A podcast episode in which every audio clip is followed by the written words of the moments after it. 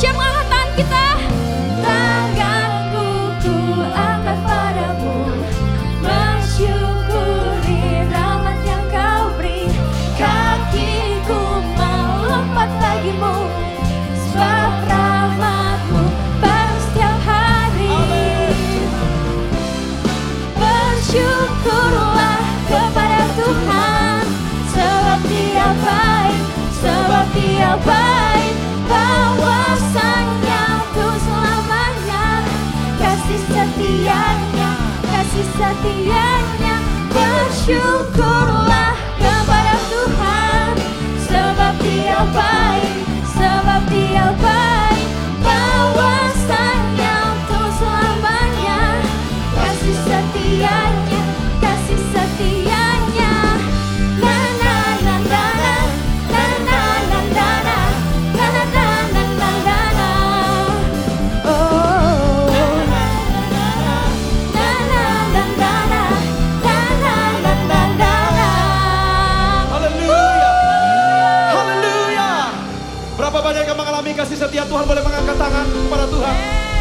lebih semangat lagi memuji Tuhan. Jemaat yang di rumah mari kita semangat lagi. Di gereja Tuhan semangat memuji dia. Kami sembah Tuhan. Beri tepuk tangan bagi Yesus Tuhan. Haleluya. Sama-sama kita bernyanyi bagi Raja kita. Nan, nan,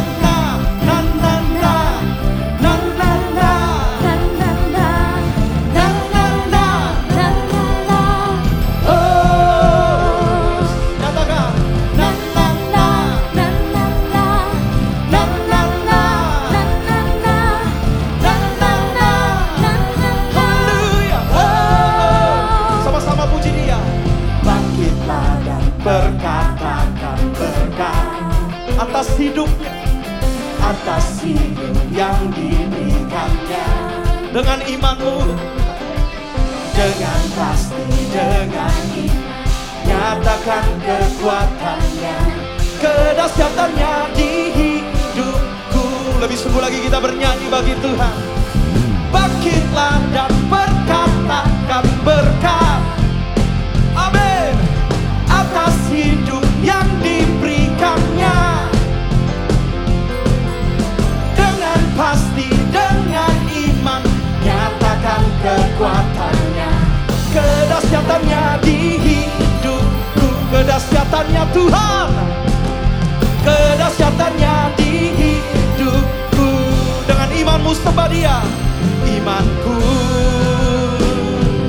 Berkata Amin Tuhanku.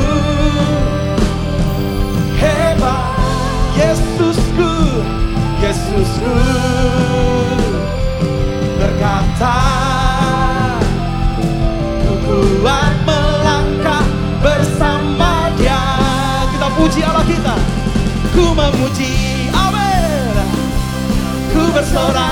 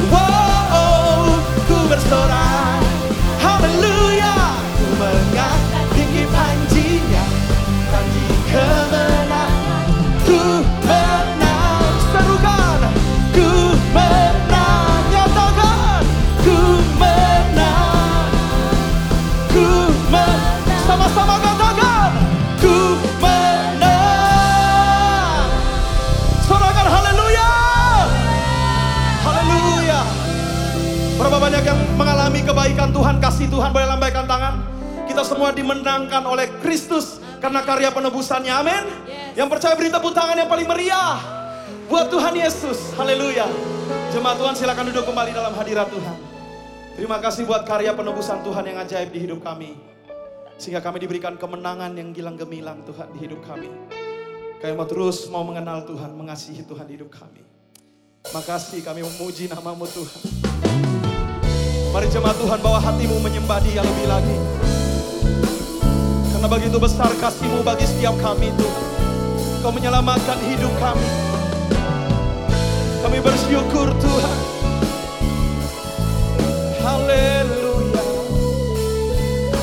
Mari sama-sama kita menyembah dia. Dengan hatimu katakan. Begitu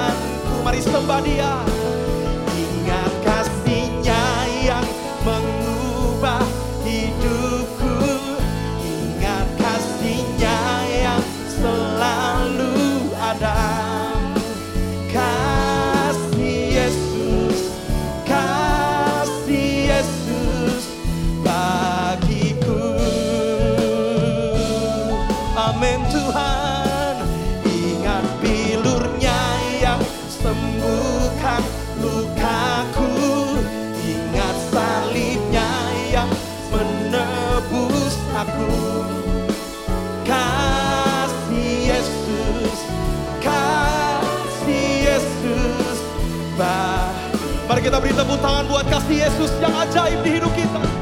Terima kasih buat cintamu Tuhan. Kasihmu mengubah kami Menyelamatkan kami. Kami bersyukur Tuhan. Kau Bapa yang baik. Haleluya. Sembah dia Inaralabaya sande Mari jemaat Tuhan dengan senang hatimu lebih lagi menyembah dia. Sama-sama katakan Begitu besar kasihmu Bapa. Kau berikan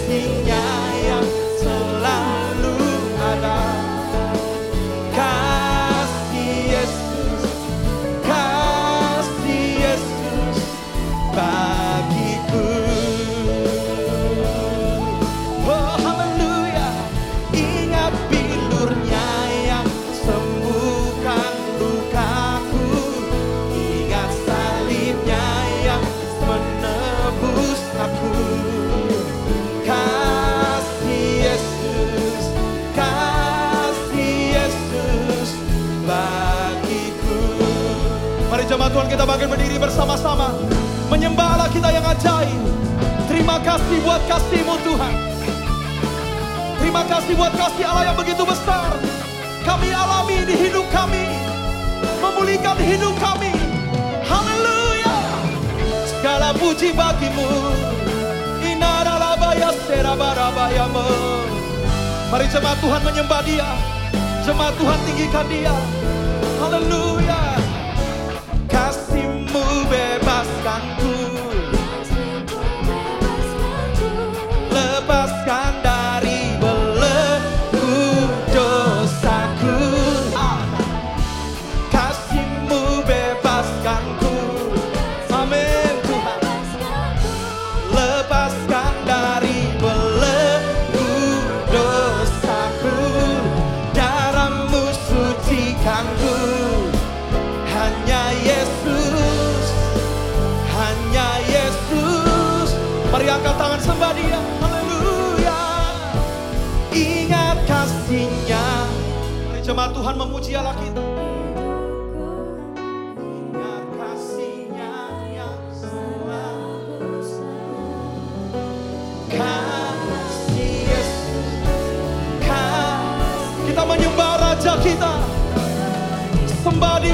Haleluya. Bilurmu menyembuhkan kami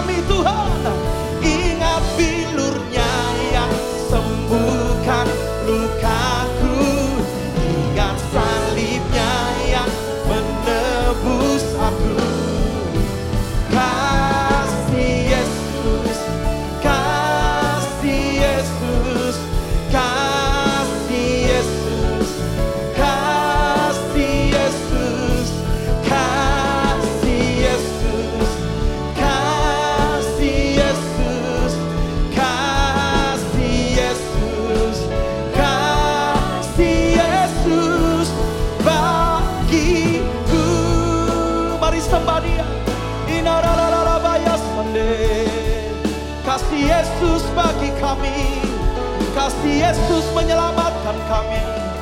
Kasih Yesus menyembuhkan luka kami. Kasih Yesus memulihkan hidup kami. Kami bersyukur punya Tuhan yang ajaib. Punya Tuhan yang menyelamatkan kami. Mari jemaat Tuhan menyembah dia. Yang mengalami kasih Tuhan. Yang mengalami penyertaan Tuhan. Sembah dia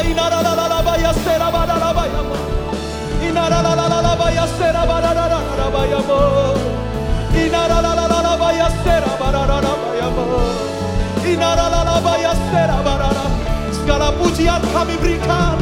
Bagi Allah kami yang penuh kasih sayang. Segala hormat kami berikan. Bagi Yesus yang menyelamatkan hidup kami, yang memulihkan hidup kami. Mari sembah dia yang mengalami mujizat Tuhan sembah dia.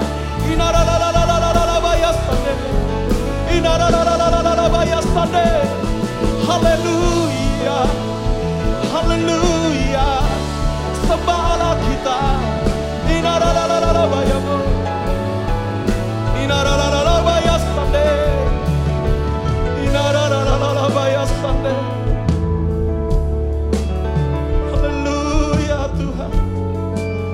Kami sadar kami ada hari ini karena kasih Tuhan yang begitu besar bagi kami Tuhan. Bukan kuat dan gagah kami, kami boleh berdiri sampai hari ini Tuhan. Semua karena kemurahan Tuhan.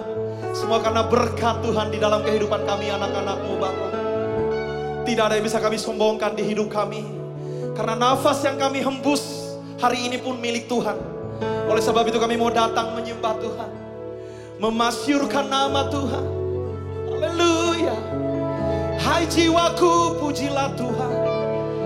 Hai jiwaku sembahlah Tuhan. Pertolonganku hanya dalam nama Tuhan. Yang menjadikan langit dan bumi. Yesus namanya. Orang-orang yang percaya kepada Tuhan adalah seperti gunung Sion yang tidak akan pernah goyah selama-lamanya disertai Tuhan, dipelihara Tuhan, dijaga oleh Tuhan di dalam kasih-Mu yang sempurna. Haleluya. Mari kita merenungkan kasih Tuhan, kebaikan Tuhan yang begitu besar di hidup kita. Bawa hatimu saudara menyembah dia. Fokuskan pikiran kita, tubuh jiwa dan roh kita. Kita persembahkan bagi Tuhan. Mari kita angkat kedua tangan kita jemaat Tuhan yang sudah mengalami begitu banyak kebaikan Tuhan. Sembah dia. Bagimu segala kemuliaan, segala kehormatan. Sebab kau Tuhan yang penuh kuasa. Bagimu segala kemuliaan, segala keagungan, segala puji syukur. Mari kita bersyukur menyembah Tuhan. Bagimu Tuhan, bagimu segala kemuliaan, segala kehormatan. Sebab kau Tuhan yang penuh kuasa. Bagimu segala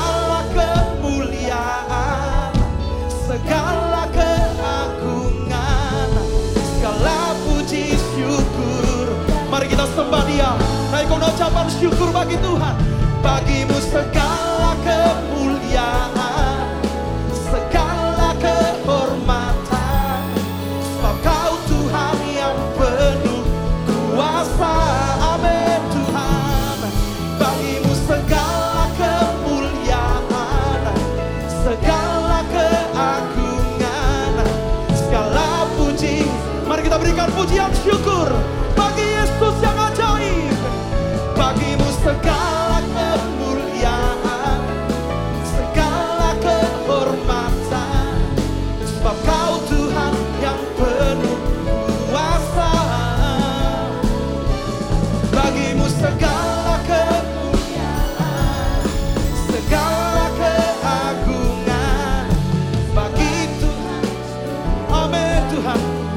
Tuhan saja memuji dia dengan semangat katakan.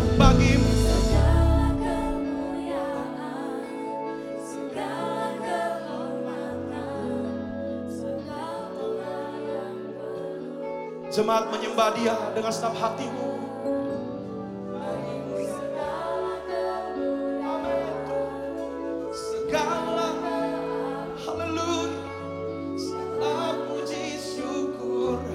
Mari lebih lagi dengan semangat menyembah Allah kita. Haleluya.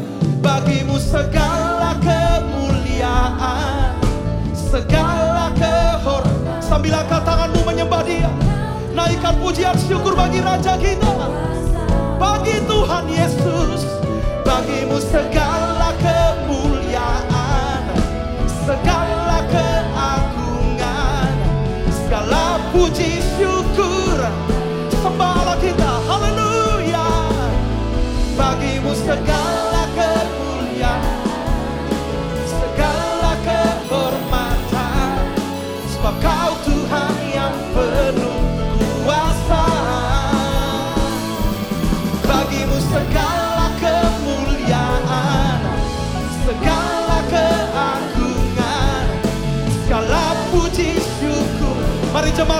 sekali lagi, nayukan ucapan syukur bagi Tuhan. Segala kemuliaan, segala kehormatan, sebab Kau Tuhan yang penuh kuasa. Bagimu segala kemuliaan, segala keagungan,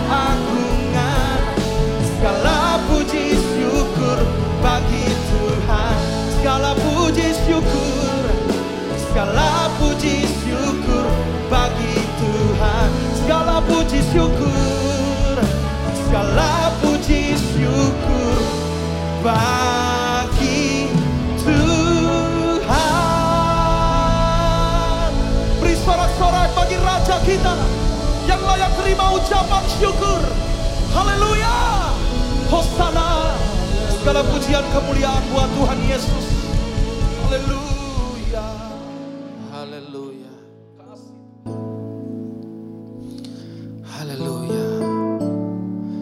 Mari kita ambil saat teduh se- sejenak. Haleluya. Haleluya. Sebab dia hadir di tengah-tengah kita saat ini. Mari kita angkat hati kita. Amin. Haleluya. Katakan dengan lem- dengan lembut segala kemuliaan. Segala kehormatan sebab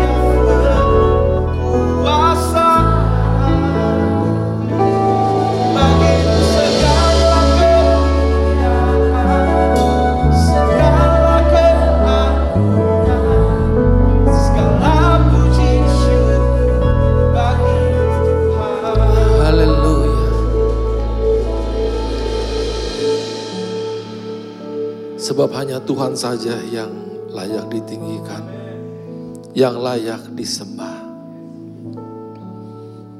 Dia yang telah mati bagi kita. Dia yang telah mencurahkan darahnya untuk kita. Supaya kita semua memperoleh kehidupan yang berkelimpahan. Dia yang telah menyembuhkan kita. Amin. Dan dia yang telah melepaskan kita dari segala dosa-dosa kita. Bagi dialah segala hormat kemuliaan. Bagi Yesuslah segala hormat kemuliaan. Terima kasih Tuhan. Kalau sampai hari ini kami masih boleh bernafas. Kalau sampai hari ini kami masih boleh beribadah. Semua karena kasih karuniamu. Kami mengucap syukur untuk kasih karuniamu ini Tuhan. Pagi ini perlengkapi kami dengan firman-Mu. Karena kami hidup bukan dari roti saja, tapi kami hidup dari perkataan-perkataan-Mu. Kami hidup oleh karena firman-Mu. Berbicaralah kepada kami semua, ya Tuhan, dan penuhi kami dengan pengertian, dengan hikmat, supaya kami mengerti jalan-jalan-Mu yang sempurna, supaya kami layak di hadapan-Mu, Amin. dan kami berbuah dengan lebat. Amin. Terima Yes. kasih Bapak di sorga, terima kasih. Di dalam nama Yesus kami berdoa dan mengucap syukur. Sama-sama katakan Amin. Beri tepuk tangan dulu buat Tuhan kita yang hebat. Ya silakan duduk Bapak Ibu Saudara.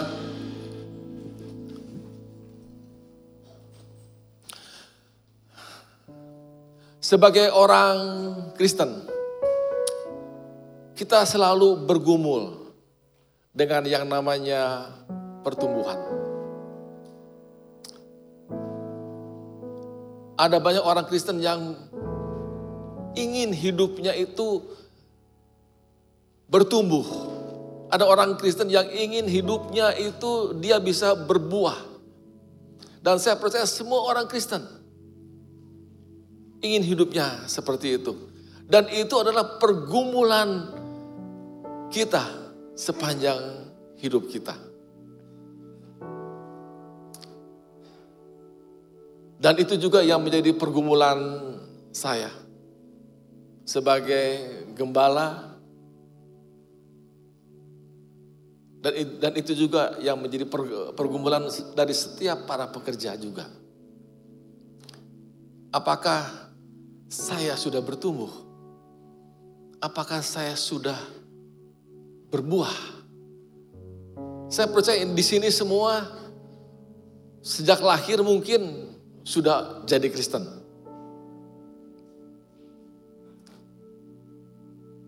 Tapi yang jadi pertanyaan, apakah saya sudah bertumbuh? Itu yang yang jadi pertanyaan. Karena bicara tentang pertumbuhan, itu bicara tentang kehendak Tuhan. Tanggung jawab kita sebagai orang Kristen adalah bertumbuh. Ada satu peringatan yang ditulis di Alkitab. Kapak sudah tersedia pada akar pohon.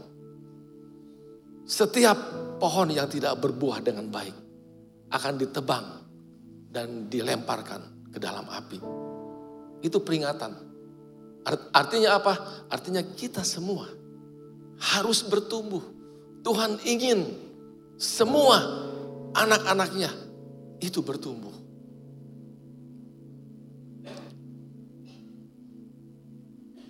Pertumbuhan juga eh, bukan bukan hanya kehendak Tuhan. Pertumbuhan pertumbuhan itu juga adalah eh, kita menggenapi rencana Tuhan. Ada satu tujuan Tuhan waktu kita diselamatkan, yaitu kita menjadi serupa dan segambar dengan Tuhan. Dan itu tujuannya sebetulnya. Waktu waktu kita bertumbuh, kita sedang menggenapi rencana Tuhan.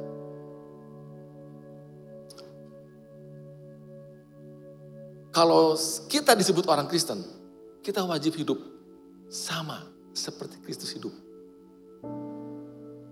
Ya, ada kata wajib. Sama seperti Kristus hidup. Dan itu tanggung jawab saudara dan tanggung jawab saya. Ini yang menjadi pergumulan dari saya sebagai hamba Tuhan. Apakah saya sudah bertumbuh? Apakah saya sudah hidup seperti Kristus hidup?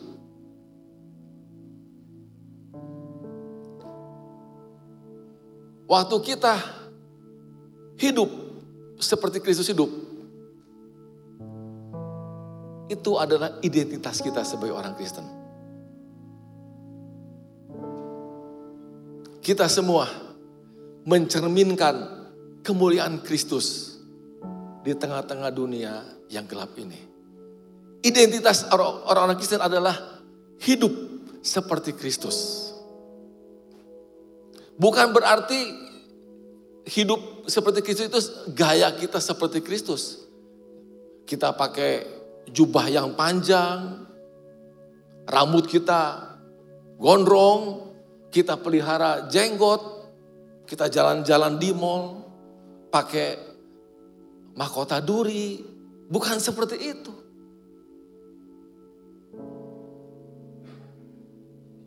Kalau kita hidup gaya seperti Kristus, tempat kita bukan di sini. Tempat kita di Cisarua.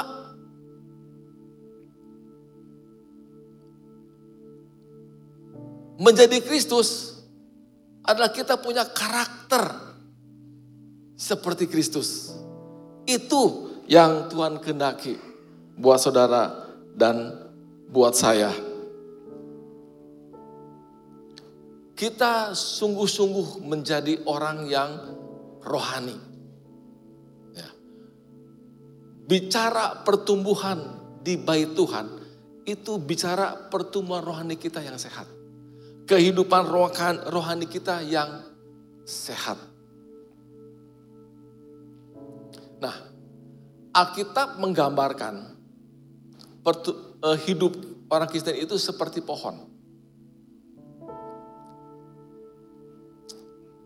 Nah, kita akan belajar dari pohon uh, palem atau pohon korma dan pohon aras. Dari dua contoh ini kita bisa mengerti bagaimana sebetulnya kita bisa bertumbuh di dalam bait Tuhan. Nah, di dalam Mazmur di dalam Mazmur eh, 92 ayat 12 sampai eh, 15. Mazmur 92 ayat 12 sampai 15, orang benar akan bertunas seperti pohon korma, akan tumbuh subur seperti pohon aras di Libanon. Mereka yang ditanam di bait Tuhan akan bertunas di pelataran Allah kita. Pada masa tua pun mereka masih berbuah menjadi gemuk dan segar.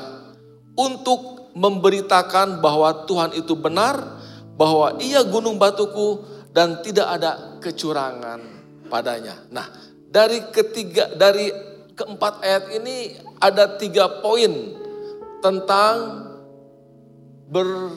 bertumbuh di bait Allah. Poin yang pertama adalah bagaimana cara bertumbuhnya. Yang kedua adalah akibat dari pertumbuhan itu seperti apa.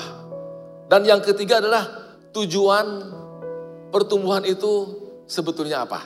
Nah, eh, di poin yang pertama bagaimana bertumbuh. Di dalam ayat 12, orang benar akan bertunas seperti pohon korma. Bukan semua orang itu akan bertunas seperti pohon korma. Hanya orang benar yang bertunas seperti pohon korma. Bukan orang baik yang bertunas seperti pohon korma. Bukan hanya pendeta saja yang bertunas seperti pohon korma. Bukan hanya para pekerja, para WL, singer, pemain musik saja yang bertunas seperti pohon korma. Tetapi semua orang yang disebut orang benar, dia akan bertunas seperti pohon korma. Pohon korma itu adalah pohon yang tumbuhnya di padang pasir. Kita tahu padang pasir itu punya cuaca yang cukup ekstrim. Kalau siang panasnya luar biasa dan kalau malam dinginnya juga luar biasa. Nah, pohon ini tumbuhnya di karakter musim yang seperti itu. Bahkan kita tahu padang pasir itu tidak ada air. Perlu gali dalam-dalam, mungkin sampai 50 atau 60 meter baru ada ada airnya. Padang pasir itu gersang. Pohon korma bisa tumbuh di, di cuaca yang seperti itu. Dan itu adalah gambaran orang Kristen. Nah, pohon korma ini waktu dia bertumbuh, waktu dia ditanam, ya, kita akan gali dulu.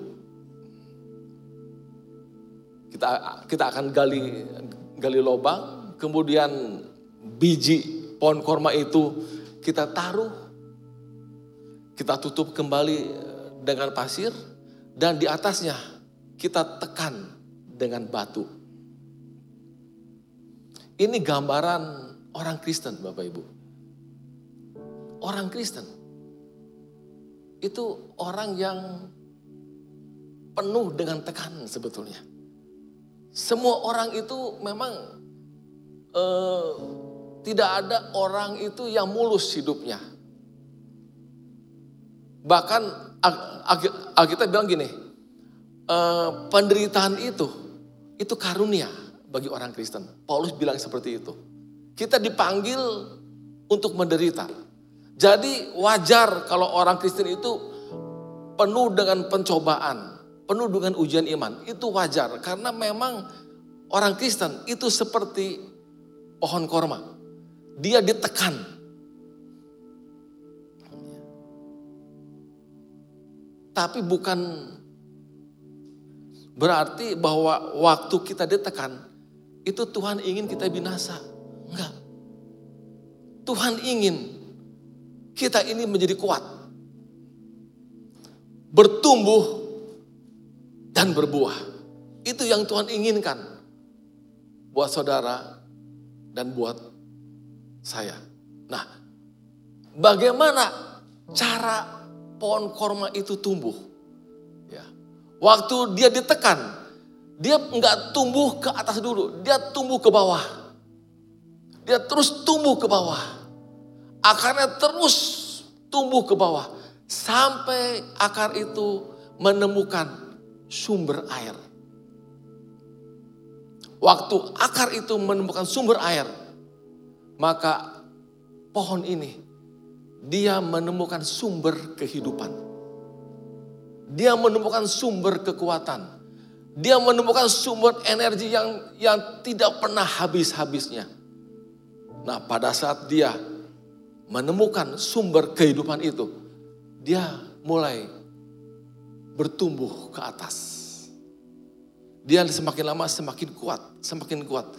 Sampai akhirnya batu itu dia bisa dorong dan batu itu bisa terguling. Dan pada saat itu pohon itu akan tumbuh terus, terus.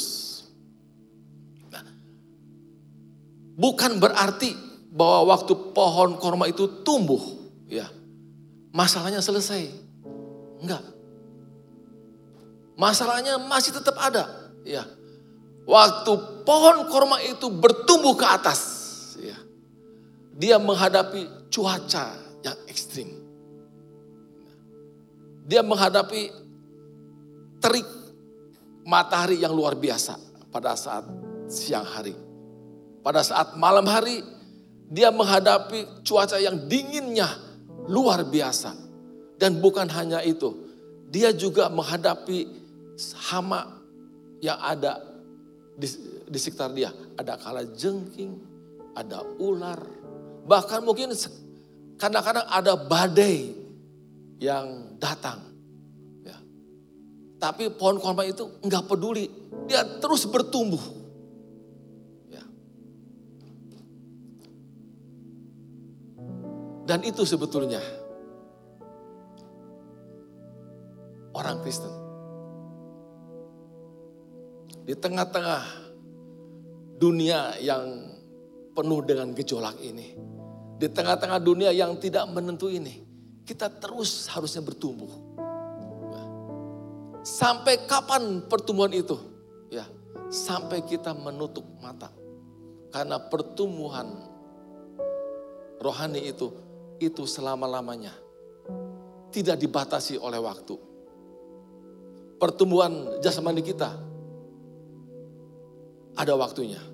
Tetapi yang namanya pertumbuhan rohani itu kita bilang gini, kamu diperbaharui dari hari ke sehari. Amin. Manusia rohani kita itu diperbaharui dari hari ke hari. Artinya pertumbuhan rohani kita itu selama-lamanya selama kita hidup. Kita bisa bertumbuh. Yang jadi masalah bukan pencobaannya. Nah, selama kita hidup, pencobaan itu selalu ada. Yang jadi masalah bagaimana kita tetap ada di sumber air kita. Di sumber air kehidupan kita, yaitu Yesus Kristus. Bagaimana kita setiap hari kita selalu terhubung dengan sumber air kehidupan itu, yaitu Yesus Kristus. Karena itulah sumber kekuatan kita. Amin. Itulah sumber energi kita untuk hidup. Nah, yang kedua adalah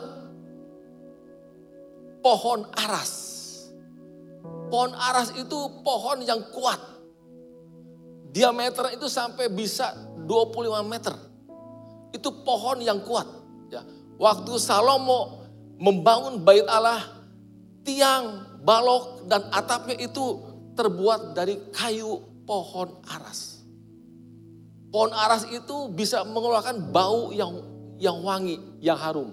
Itulah sebabnya pohon aras itu eh, dipakai untuk mempersembahkan korban pentahiran, korban penyucian.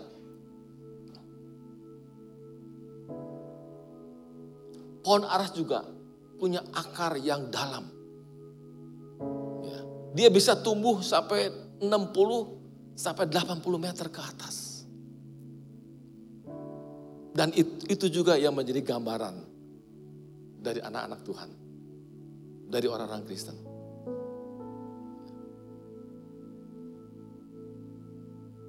Orang-orang Kristen harus punya kehidupan yang suci, yang kudus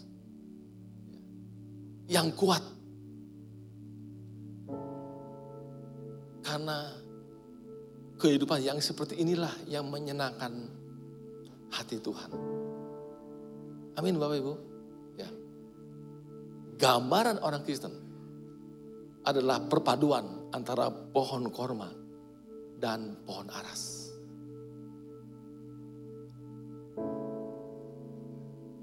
Nah, di Mazmur 92 ayat 13, Alkitab berkata mereka yang ditanam di bait Tuhan akan bertunas di pelataran Allah kita. Ya. Hidup orang Kristen itu seperti benih. Benih itu kalau dia tidak ditanam, dia tidak akan bertumbuh. Benih itu harus ditanam. Ditanam di tanah yang subur. Ya. Benih itu tidak bisa ditanam di tanah yang ber, yang berbatuan, nggak bisa. Dia akan mati. Benih itu tidak bisa di, di, ditanam di semak duri, ya, nggak bisa. Dia tidak bisa bertumbuh dengan baik, dengan normal. Benih itu harus ditanam di tanah yang subur. Baru dia bisa bertumbuh. Bagaimana kita bisa bertumbuh secara rohani? Kita harus ditanam di bait Tuhan. Artinya kita harus bertumbuh di bait Tuhan. Itu tanah yang subur. Apa artinya bait Tuhan. Bait Tuhan artinya adalah hati, pikiran, perasaan Kristus. Kalau setiap hari kita ditanam di hatinya Kristus, di pikiran Kristus, di perasaan Kristus, kita akan bertumbuh secara rohani. Kehidupan rohani kita akan sehat, akan kuat di tengah-tengah dunia yang gelap ini, kita masih tetap bisa eksis. Di tengah-tengah kondisi yang yang tidak baik, kita masih masih tetap bisa bersuka cita. Kita masih tetap bisa ada damai sejahtera. Kita masih tetap kuat. Karena karena kita ditanam di bait Tuhan. Amin. Ya. Apa artinya ditanam di bait Tuhan. Nah, di dalam Yeremia 17 ayat 7 dan 8. Eh, Diberkatilah orang yang mengandalkan Tuhan, yang menaruh harapnya pada Tuhan.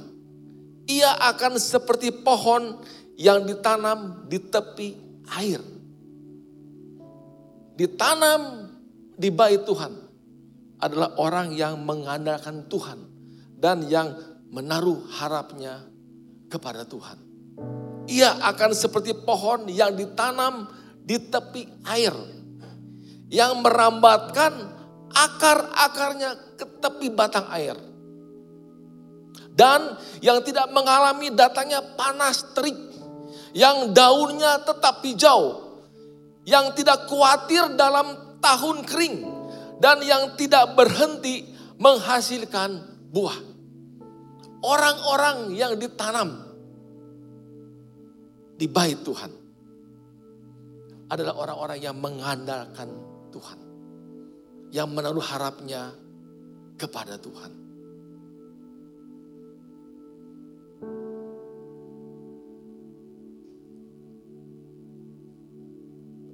Di dalam Mazmur 1 ayat 1 sampai 3. Berbahagialah orang yang tidak berjalan menurut nasihat orang fasik. Yang tidak berdiri di jalan orang berdosa.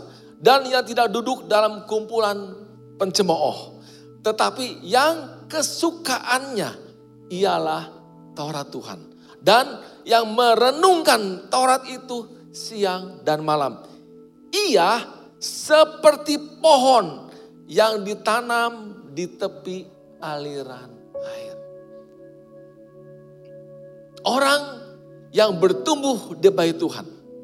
Orang yang ditanam di bait Tuhan adalah orang yang kesukaannya Taurat Tuhan.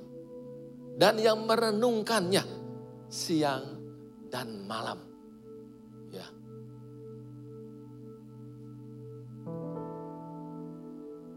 Orang yang seperti ini adalah orang yang menghasilkan buah pada musimnya. Dan yang tidak layu daunnya. Apa saja yang diperbuatnya berhasil. Amin.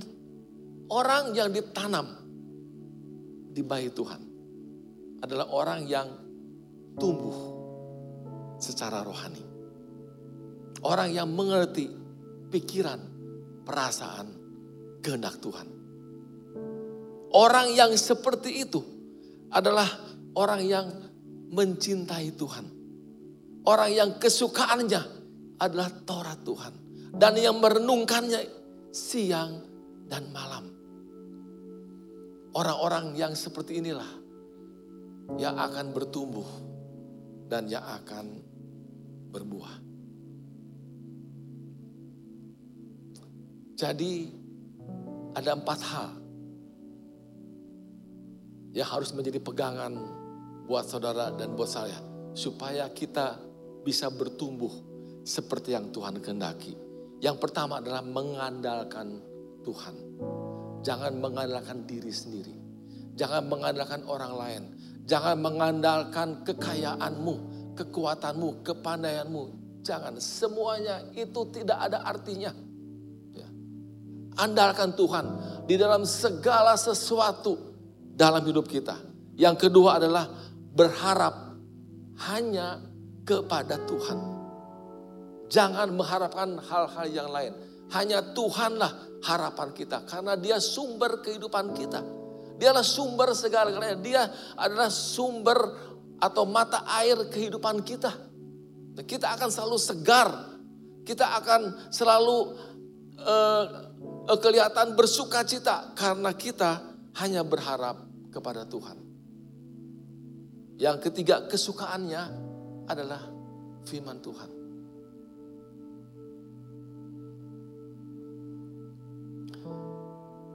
Semua orang butuh Tuhan. Ya. Bukan hanya orang Kristen. Orang yang tidak percaya juga dia butuh Tuhan. Tapi butuh aja nggak cukup. Nggak cukup. Ya. Kita harus suka akan Tuhan.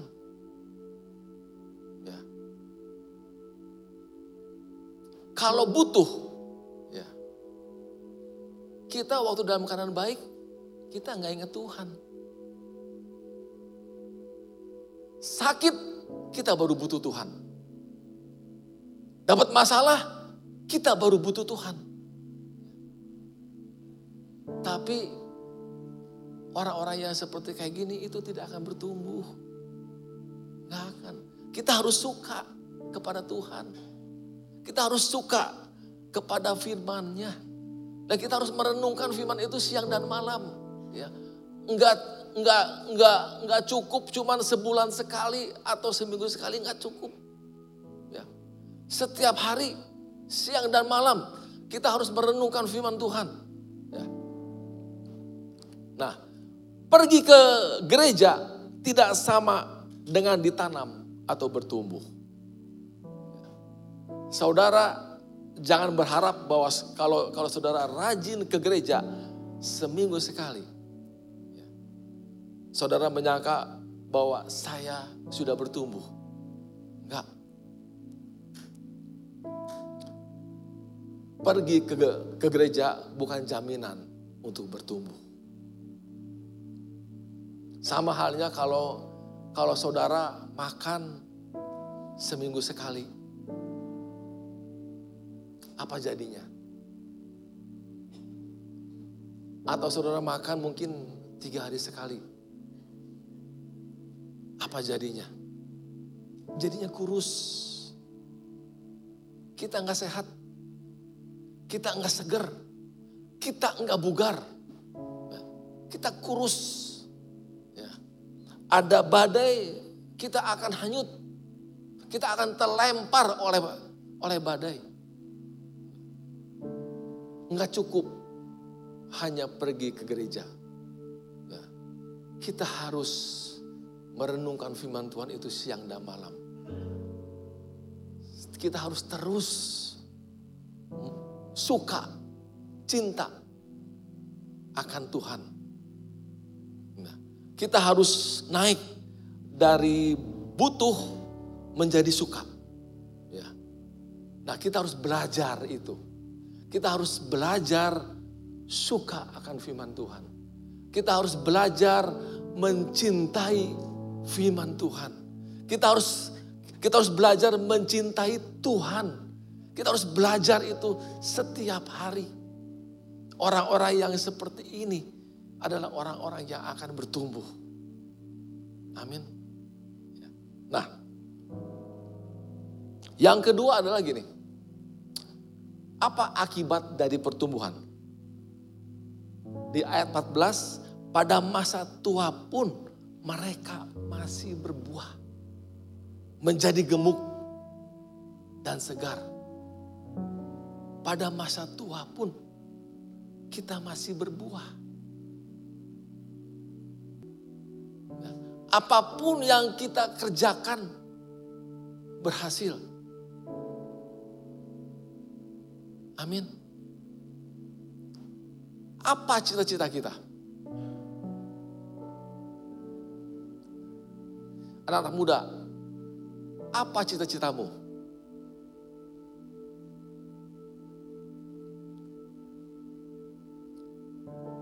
Muda kaya, tua sehat, mati masuk surga?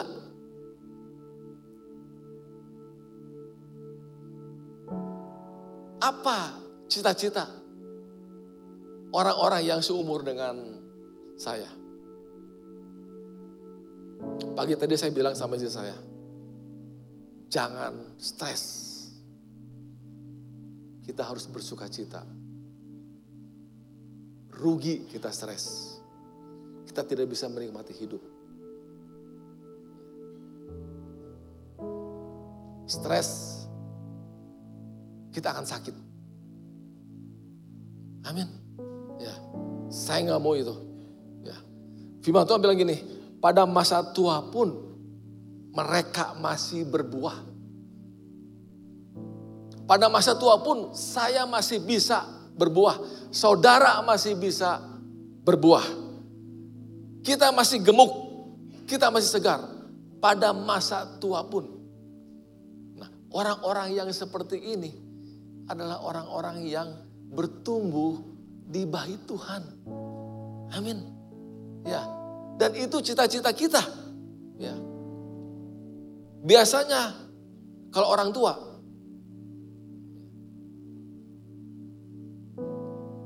yang kebanyakan adalah pikun. Betul? Ya pikun. Ya. Dimensia, lupa. Ya. Nama nama anak sendiri lupa. Nama cucu sendiri lupa. Ya. Bahkan mungkin jalan-jalan keluar, lupa pulang. Atau mungkin juga kita udah loyo, nggak bisa berbuat apa-apa. Kita perlu kursi roda kalau mau kalau mau kita jalan-jalan. Kita sudah nggak kuat jalan lagi.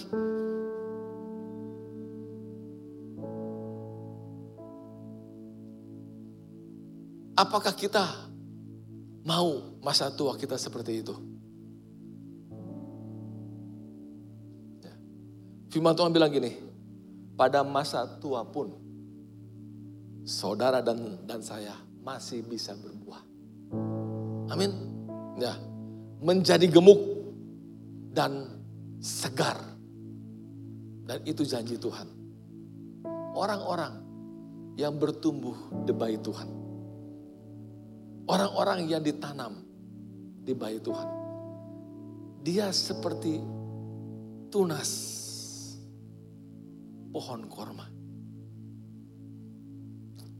Dia tumbuh subur seperti pohon aras. Dan itu adalah saudara dan saya. Nah, apa tujuannya? Tujuan pertumbuhan adalah untuk menjadi saksi Kristus. Untuk memberitakan bahwa Tuhan itu benar. Bahwa ia gunung batuku dan tidak ada kecurangan padanya. Ini tujuannya. Kita semua mencerminkan kemuliaan Kristus di tengah-tengah dunia yang gelap ini. Apa jadinya kalau kita tua loyo, terus kita nasihati anak-anak muda, eh nak kamu harus kuat, tapi kita yang loyo.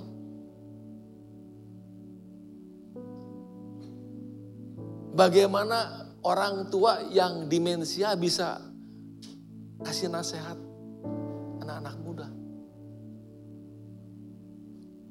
Bagaimana kita bisa men, bisa menjadi saksi Kristus kalau kita sendiri tidak mengalami Kristus di dalam hidup kita? Amin.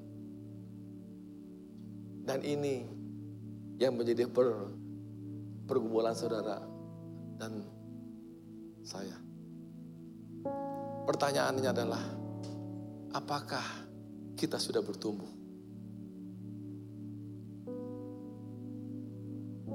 Apakah saudara sudah bertumbuh atau belum? Bukan masalah lepas dari persoalan. Bukan masalah saudara sehat, ya tidak mengalami sakit penyakit. Bukan masalah itu.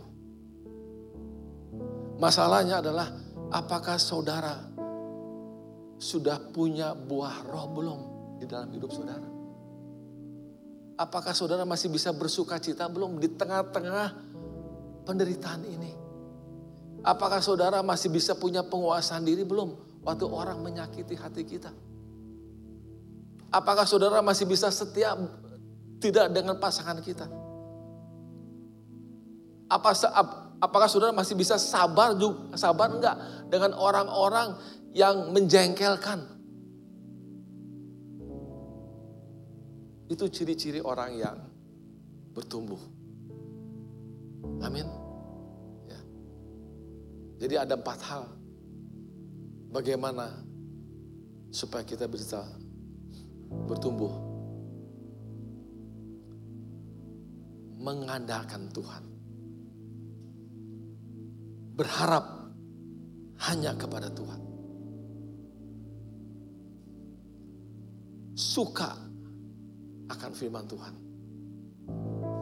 Dan renungkan firman Tuhan itu siang dan malam.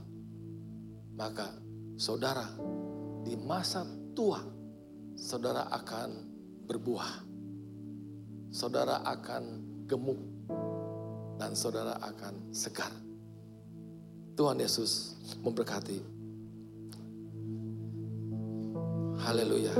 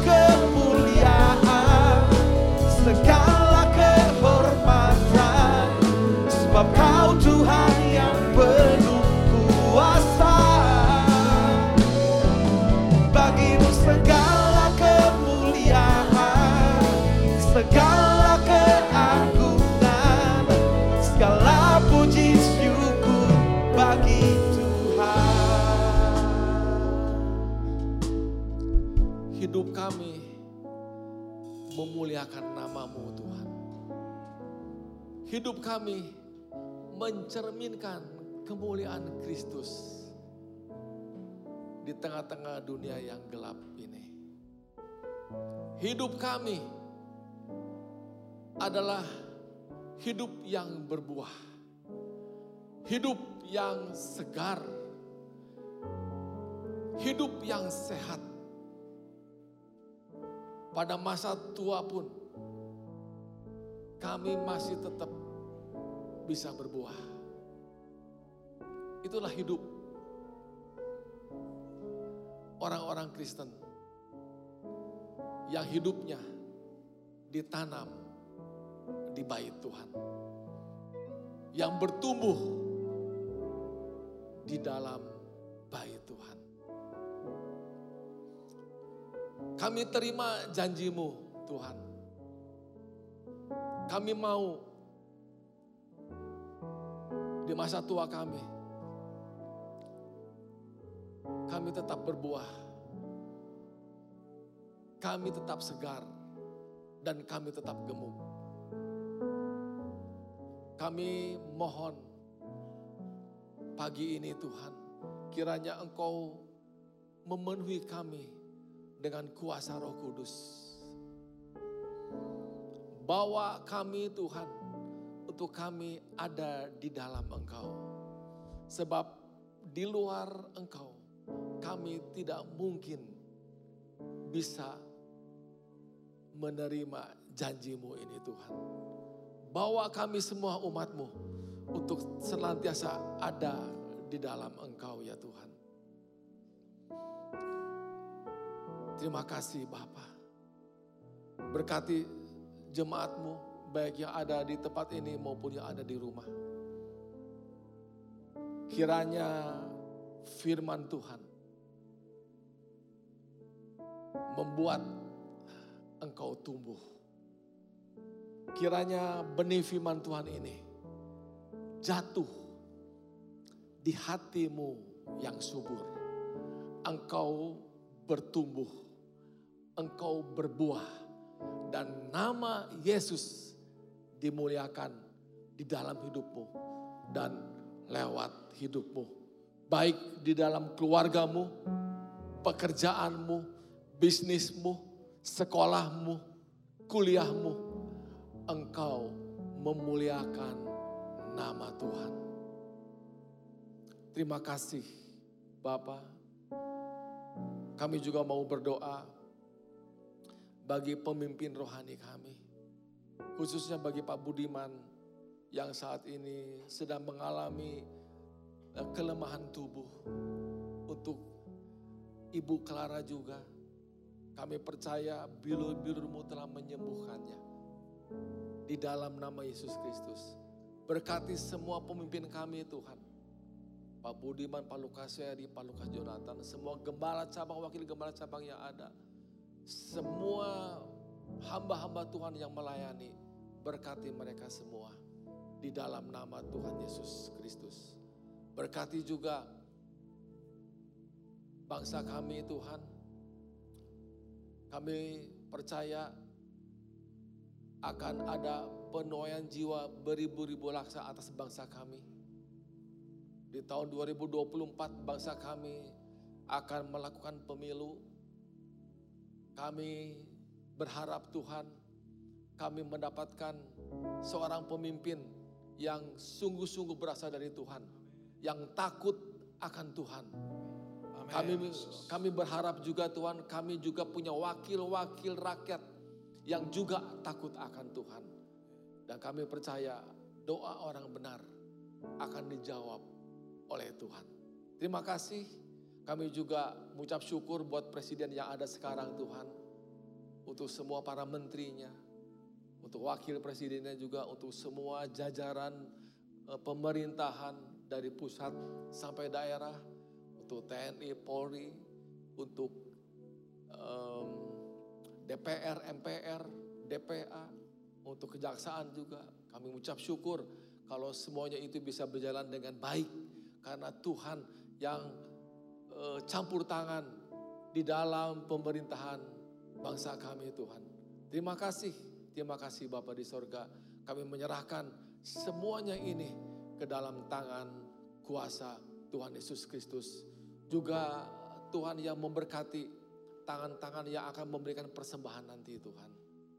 Kami percaya Tuhan, semua yang kami berikan, kami berikan dengan sukacita. Dan kami juga percaya semuanya itu berasal dari Tuhan. Kami akan kembalikan dengan hati yang tulus dan dengan hati yang gembira. Terima kasih Bapak, dan bila sebentar kami akan berpisah dari tempat ini, kami angkat kedua tangan kami untuk menerima berkat-Mu. Bapak, Ibu, dan Saudara semua yang sudah menerima kebenaran firman Tuhan, yang sudah dimulai pertumbuhannya secara rohani. Saudara semua akan menjadi orang-orang yang berbuah di masa tua, orang-orang yang gemuk dan orang-orang yang segar sepanjang waktu. Dan saat ini terimalah berkat yang berlimpah ini dari Allah Bapa di surga, di dalam anaknya Tuhan Yesus Kristus, dan di dalam persekutuan dengan kuasa roh kudus akan menyertai Bapak Ibu dan Saudara semua mulai saat ini dan sampai selama-lamanya. Yang sudah terima dan percaya, mari sama-sama katakan. Amin. Amin. Selamat pagi, Tuhan Yesus memberkati. Bapak Ibu ibadat telah selesai, Bapak Ibu dapat meninggalkan ruangan melalui pintu yang terdapat di sebelah kiri dan belakang Bapak Ibu Saudara. Happy Sunday, Tuhan Yesus memberkati.